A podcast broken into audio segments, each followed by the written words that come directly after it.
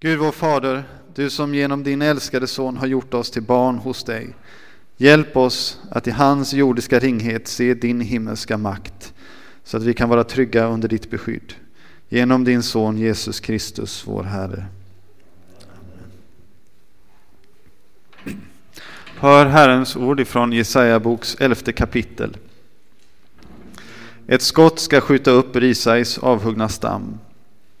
En telning från hans rötter ska bära frukt. Över honom ska Herrens ande vila, anden med vishet och förstånd, anden med råd och styrka, anden med kunskap och fruktan för Herren. Han ska ha sin glädje i Herrens fruktan. Han ska inte döma efter vad ögonen ser eller utöva lag efter vad öronen hör, utan med rättfärdighet skall han döma de fattiga, med rättvisa skaffa rätt åt de ödmjuka på jorden.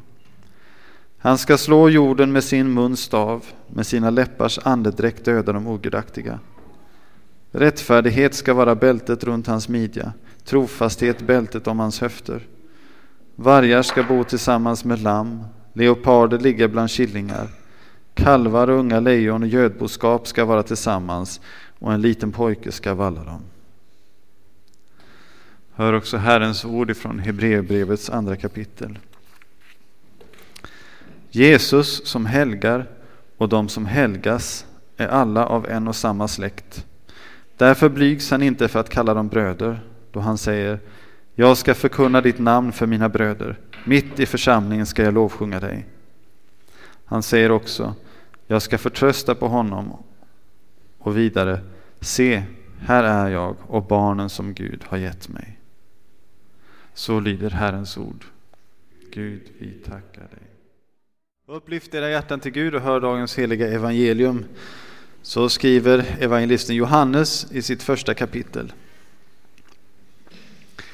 Det sanna ljuset som ger ljus åt alla människor skulle nu komma till världen. Han var i världen och världen hade blivit till genom honom och världen kände honom inte. Han kom till sitt eget och hans egna tog inte emot honom. Men åt alla som tog emot honom gav han rätt att bli Guds barn, åt dem som tror på hans namn. De är inte födda av blod eller av köttets vilja eller av någon mans vilja, utan av Gud. Och ordet blev kött och bodde bland oss, och vi såg hans härlighet, en härlighet som den enfödde har av Fadern, och han var full av nåd och sanning. Jesus som helgar och de som helgas är alla av en och samma släkt. Därför blygs han inte att kalla dem bröder. Det här är ett väldigt märkligt påstående, att vi är av samma släkt som Jesus. Men det är detta som en del av julens under, att Gud föds som människa och blir en av oss, delar vårt släktskap. Han blir Immanuel, Gud med oss. Han blir inte som en människa, utan han blir människa. Han blir fullt ut människa och delar våra villkor, bortsett ifrån att han var utan synd. Vi har inte en överste präst som inte kan ha medlidande med våra svagheter, utan en som har varit frestad i allt liksom vi, fast utan synd, skriver Hebreerbrevets författare. Att han blir människa, en av oss, det är stort. Men att han gör det för att vi ska bli som honom, det är större. Här har flera kyrkofäder uttryckt det kortfattat. Han blev människa för att vi skulle bli gudar. Det skaver kanske lite i våra öron. Men vi behöver inte vara oroliga för att de skulle ha tänkt någonting annat än det som Petrus skriver i, i sitt brev att vi ska bli delaktiga av gudomlig natur, det vill säga att vi får ha samma status som Jesus inför Fadern. Att vi får vara Guds barn och ha samma tillträde till Fadern, vara lika oskyldiga, lika rättfärdiga som Jesus. Att allt det som Jesus har får vi del av. Så för tydlighets skull så kan vi säga som Gud i den bemärkelsen. Och det är lite intressant att det som människan strävade efter som ledde till hennes fall, det ger nu Gud av nåd. Jesus blev inte som människa, han blev människa. Vi blir inte gudar, men vi blir som Gud eller som Guds son när vi är i Kristus. Det vill säga vi får dela hans tillvaro med honom. Och Det här är någonting som vi inte kan upptäcka av oss själva eller lista ut, utan detta är någonting som Gud har måste uppenbara för oss. Gud har behövt ge oss sitt ljus för att vi ska kunna veta detta. Predikans tre rubriker utifrån det här blir först världens barns ljus. Andra, Guds barns liv i världen. Och det tredje, Guds barns himmelska arv. Så först, världens barns ljus. Jesus säger i bergspredikan, om nu ljuset i dig är mörker, hur djupt är då inte mörkret? Det är en kraftig käftsmäll för mycket av människans strävan efter vishet, förnuft, andlig upplysning och annat. Människan kan åstadkomma fantastiska saker, göra hisnande upptäckter om, om universums storhet eller samtidigt storslagenheten i vad som finns i en, i en liten cell eller ännu mindre beståndsdelar. Och människor kan göra heroiska insatser för andra människor, vara självuppoffrande och visa stor kärlek.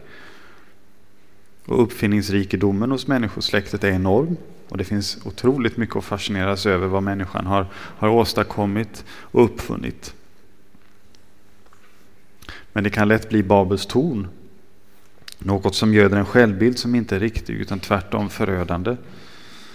Och det övergår lätt i en, i en förtröstan på vad vi kan göra, vad vi kan åstadkomma. Att vi kan klara av vad som helst om vi bara bestämmer oss för det. Och Det här var ju också lite grann den rörelsen i tiden, allt från upplysningen med, med vetenskapens, Eh, vad ska man säga, den moderna vetenskapens födelse och tron på vad människan kan åstadkomma. Att människan kan ta reda på allt, lösa alla problem av olika slag. Och just när man tänkte att nu går det bara uppåt, nu blir det bara och bättre och bättre. Så kommer de totalitära eh, ideologierna in vi har två världskrig och man undrar hur kunde detta hända? Det finns gränser för vad människan kan åstadkomma. Det finns alltid en annan sida av myntet. Det finns också ett mörker som kan ta kontroll av dessa krafter. Och även om vi kan klara av väldigt mycket så finns det också saker som vi inte rör på. Dödens makt rår vi inte på hur mycket vi än försöker. Vi kan nog förlänga medellivslängden och det har vi också gjort och glädjas åt det. Men evigheten väntar alla, alla utan undantag. Också när det gäller detta så har människans uppfinningsrikedom varit ganska stor. Man har olika tankar om hur man förbereder sig inför döden, förbereder sig inför det som ska komma. För det vittnar historien om att någon form av andlig verklighet har man räknat med. En, en fortsättning efter detta. En Gud i någon form. Och det här vet vi också av Bibeln. Att tillräckligt med ljus finns det i skapelsen för att människan ska förstå att det finns en Gud. Det finns något mer än det vi bara kan se med våra ögon och tillräckligt med ljus så att varje människa egentligen kan förstå att det här är inte tillkommet av en slump. Det krävs det många års studier för att döva. Så att vi istället tror på slumpen eller något liknande. För det här är inte vårt utgångsläge när vi tittar på världen runt om oss. Men det är så som det också står skrivet. Utan uppenbarelsen går folket vilse. Utan Guds ords ljus, utan att Gud uppenbarar vem han är, så blir det endast människans strävande efter Gud. Där vi aldrig egentligen lär känna honom.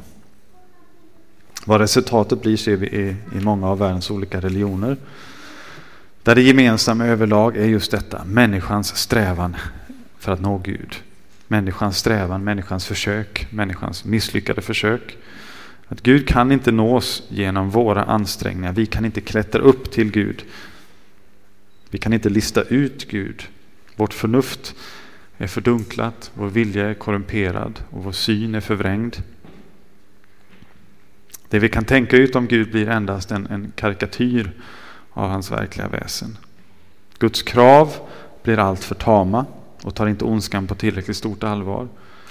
Men också Guds kärlek blir endast en droppe av den djupa och vidsträckta ocean som framträder för vårt öga när vi ser vad Gud själv uppenbarar om sig själv. Så utan uppenbarelse blir Guds krav, Guds lag, något som vi tänker att vi kan uppfylla, något vi kan klara av genom egna ansträngningar. Och även om vi misslyckas så tänker vi att olika löften, goda gärningar eller offer kan gottgöra den skada vi har gjort.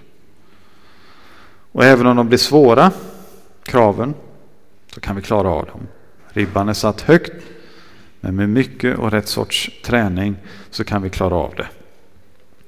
Synden blir inte så allvarlig. Och det är främst synden som, som syns som hamnar i fokus. Medan vårt onda hjärta lättare kan få fritt spelutrymme. Och utan uppenbarelsen så blir Guds kärlek och hans evangelium också något mindre än vad det är. Först och främst för att det så lätt villkoras och blandas in med olika krav. Och då egentligen blir bara en annan form av, av lagen. Men sedan också för att vår fantasi inte är tillräckligt stor för att tänka ut det Gud har planerat, bestämt för oss, gjort för oss, utlovat åt oss i Jesus. Detta måste Gud uppenbara. Och då kommer vi till den andra rubriken. Guds barns liv i världen. Guds barns liv i världen.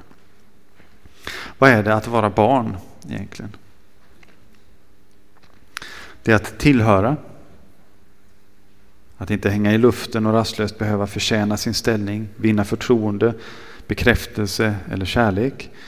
Det är att ha någon som har ansvar för en, någon som har sin, som sin uppgift att se till ens bästa, vårda, ge mat, kläder, tak över huvudet, ett hem.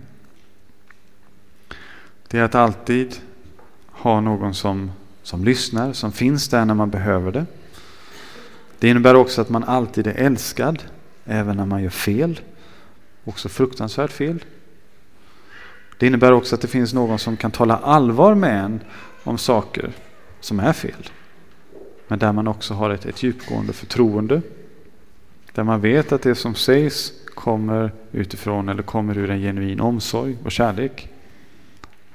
Att han vill ens bästa. Att vara barn är en välsignad ställning av beroende. Och nu sitter du kanske och tänker att dina föräldrar inte var så här. Eller att du som förälder inte är så. Jordiska mödrar och fäder har brister, somliga fler och allvarligare. Och några lyckas förmedla sin kärlek trots sina brister och andra lyckas inte. Föräldrar behöver sällan leta länge efter något att bekänna. Varken i den dagliga bekännelsen eller omvändelsen, i söndagens gudstjänst eller i bikten. Dagligen så misslyckas alla föräldrar med att helt och fullt leva upp till den ofatt, ofattbart stora kallelsen som Gud har gett oss. Att vara Gud för detta barn. Guds händer och mun när det gäller att ge vad barnet behöver både till kropp och till själ. Det är verkligen märkligt att Gud har valt den här ordningen för människan.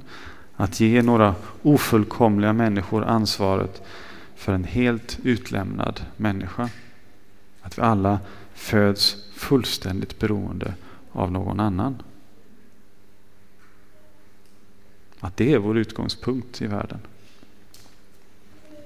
Och när detta missbrukas, detta förtroende, så är det en väldigt allvarlig sak och kan sätta djupa spår. Men det finns också läkedom i Jesus. Det finns förlåtelse och det finns försoning. Och i Jesus så har du också en himmelsk far som inte sviker även när jordiska fäder eller mödrar gör det. Kan väl en mor glömma sitt barn? Frågar Gud. Men även om hon gör det så gör jag aldrig det. så kan jag aldrig göra det. Honom får du till far genom den andra födelsen, pånyttfödelsen. Din jordiska födelse är det som i texten heter att vara född av blods, av kötts eller mans vilja. Men pånyttfödelsen är inte av samma slag, den sker genom Guds vilja. Så det handlar inte om något val från vår sida. Gud är den som föder oss genom sitt ord, som Petrus skriver. Ni är födda på nytt, inte av en förgänglig säd, utan av en oförgänglig, av Guds levande, eller genom Guds levande ord som består. Och just detta att det är en ny födelse visar för oss att det är inte någonting som vi kan medverka i. Det är någon annan som står bakom och är orsak till en födelse. Födelsen är vägen in i livet och den nya födelsen ger oss andligt liv. För när vi föds i den naturliga födelsen så är vi i allra högsta grad levande kroppsligt sett men fullständigt döda andligt sett. Och Det är detta Jesus också talar om när han säger att vårt ljus är mörker. Det vi tror är ljus är i själva verket bara en nyans av mörker. Och utan uppenbarelsen förstår vi inte det. Inte utan Guds ord. Det finns också aspekten av att, att det inte finns någon automatik i att bli kristen för att man föds in i en familj av kristna. Och inte heller tvärtom. Det är klart att vi präglas av vår omgivning och i synnerhet om Guds ord finns där, där eller inte.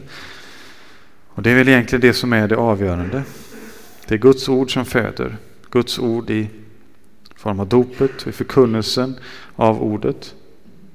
Och varje förälder, och särskilt varje husfar, har ett ansvar att låta barnen få ta del av allt det som Jesus vill ge dem. Att de fortsatt får ta del av och höra om allt vad Jesus har gjort för dem på korset och i dopet.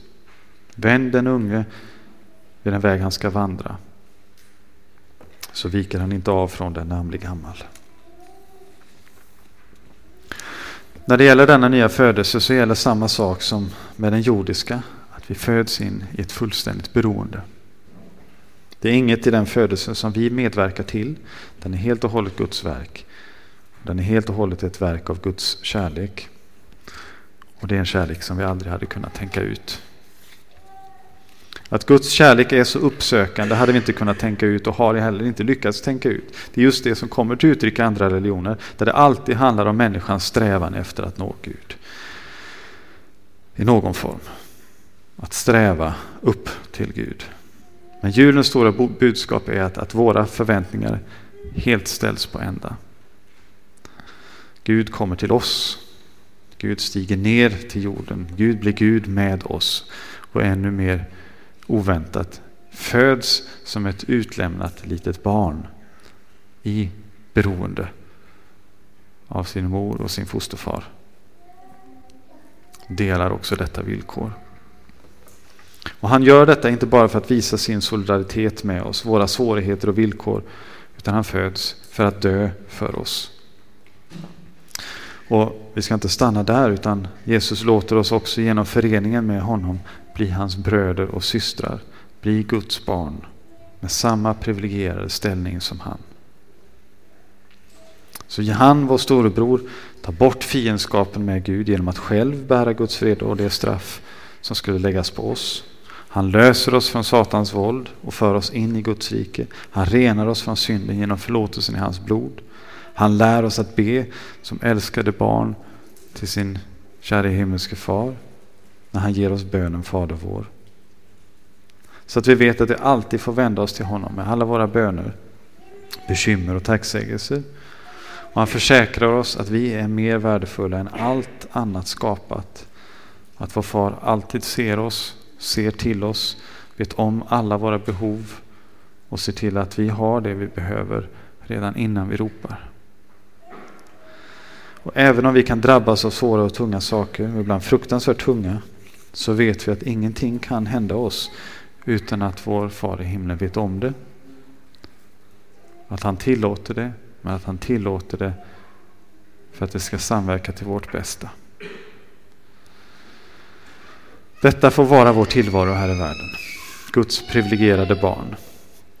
Och det är som Johannes utbrister i, i sitt första brev.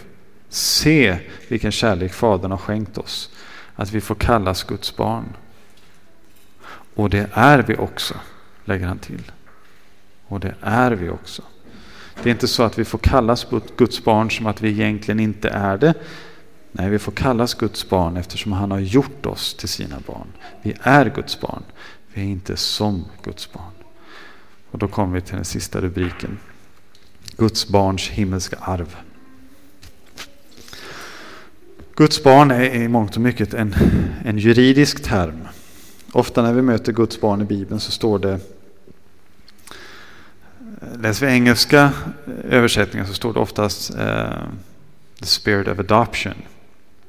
Med ett ord som också inbegriper son. Så att ge ställning som son eller sätta som son. Det handlar om sonens arvsrätt och ställning. Att i Guds hus får vi vara som sonen, som Jesus. Samma arv där uppe i det höga, samma himmel, samma Gud och far. Det sjunger vi i Lina Sandells psalm. Allt hans blir vårt, när allt vårt har fått bli hans. Också våra bästa stunder. Och allt vårt, det är det som behöver läggas under förlåtelsen. Det har vi redan en försmak här av i, i varje gudstjänst. Byteshandeln börjar med en gång i gudstjänsten där vi får lämna av oss det som är vårt. Våra synder och misslyckanden. Och så börjar Jesus ge och fortsätter ge under hela gudstjänsten. Han ger oss sin förlåtelse, sänder oss sitt ord som upplyser oss och ger oss en större kunskap av vem Gud är, större kunskap om hans kärlek till oss. Och så kommer han själv med sin kropp och sitt blod för att, att också mätta vår själ i grunden. Och sen så lägger han till sist sitt namn på oss i välsignelsen. Och så får vi gå ut i världen sen som Guds barn, förlåtna, uppbyggda, uppmuntrade och uppmanade att leva som hans välsignade bröder och systrar i världen. Vi får ta emot många välsignelser här i livet, både kroppsliga och andliga sådana, och tacka Gud för tillvaron här. Men som Guds barn är vi ändå endast gäster och främlingar på jorden. Vårt medborgarskap har vi i himlen och därifrån väntar vi Herren Jesus som frälsare, som vi läser. Han ska ta oss ifrån denna värld som, även om den är vacker och rymmer mycket som ger oss glädje, också rymmer mycket som är, är fult och ont och som ger mycket sorg.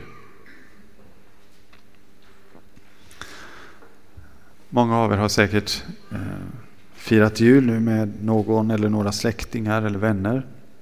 Och kanske har ni gett varandra julklappar. Och vad var det som gav mest glädje? Personerna ni firade med eller presenterna? Om man skulle lägga detta i varsin vågskål så hoppas jag att den vågskål med julklapparna är lättast och flyger i höjden med en gång man lägger dit människorna i en närhet. Även om man kanske inte alltid kommer överens. Men när det kommer till det himmelska arvet så handlar det inte om saker som vi ska få när vi kommer till himlen. Om vi ska sammanfatta arvet så är det Jesus. Det kristna kallar himmel, det är platsen där Jesus är. Det är han som är vårt arv. Gemenskapen med honom, en evighet tillsammans med honom, vår bror. Han är det arv som aldrig kan stjälas, fläckas eller förstöras. Så det eviga livet är inte ett evigt liv i en, i en liknande tillvaro som denna. Utan det är ett evigt liv i en relation, och en otroligt nära relation med Jesus. Lite hånfullt så kan människor ibland säga att ja, men det där med himlen det verkar väldigt tråkigt. Sitta på ett moln och spela harpa med en skäggig gubbe eller liknande raljanta saker. Vi är så vana vid det ofullkomliga här på jorden att vi kan inte föreställa oss en glädje utan slut. Utan en glädje utan att det finns någonting bitterljuvt där. Och rastlösheten många känner idag, förmodligen mer än i någon annan tid, får oss tro att vi måste hela tiden ha omväxling, något nytt som bryter av, något nytt och fräscht. För annars dör känslan av att vara underhållen, stimulerad och glad ut och ersätts av tristess. Men kanske har du ändå fått uppleva stunder där du kände att åh, jag hoppas det här aldrig tar slut. Eller i alla fall kände att jag vill stanna kvar i det här lite längre. Eller att, att något skulle vara lite längre. En person som du hade väldigt roligt med eller trevligt med, eller som du kunde prata i timmar med utan att det blev ointressant. Eller som du kunde skratta nästan hejdlöst med.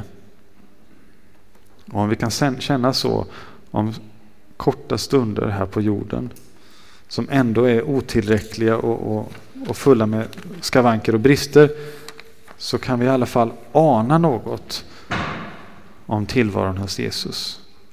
Men ändå finns det ingenting här som kan mätas med den, den glädje, frid och, och fullkomlighet som vi kommer att möta när den här jorden och himlen har fått ge vika för den nya himlen och den nya jorden. Det är där vi som Guds barn har vårt medborgarskap. Det är där vårt arv är förvarat. Det är där Jesus är. Och där han är, där ska vi med honom vara. Han som inte blygs att kalla oss bröder. Han som helgat oss helt och fullt och som stolt och glad säger till Fadern. Här är jag med barnen du gett mig. Ära vare Fadern och Sonen och den helige Ande. Så som det var av begynnelsen nu är och skall vara, från evighet till evighet. Amen. Lovad vare Gud och välsignad evighet som med sitt ord tröstar, lär, förmanar och varnar oss. Heliga Ande, skriv ordet i våra hjärtan så att vi inte blir glömska hörare utan varje dag växer till i tro, hopp, kärlek och tålamod in till tidens slut och blir saliga. Genom Jesus Kristus vår Herre. Amen. Låt oss stå upp och bekänna vår kristna tro.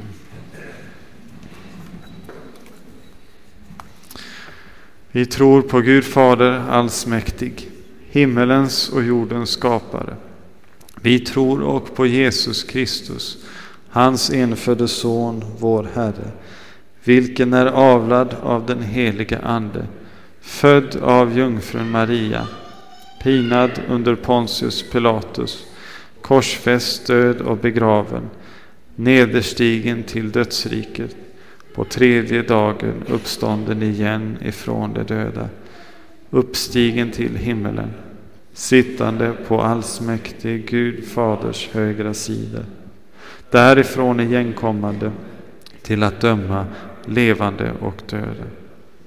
Vi tror också på den heliga Ande, en helig allmännelig kyrka, det heliga samfund, syndernas förlåtelse, kroppens uppståndelse och ett evigt liv.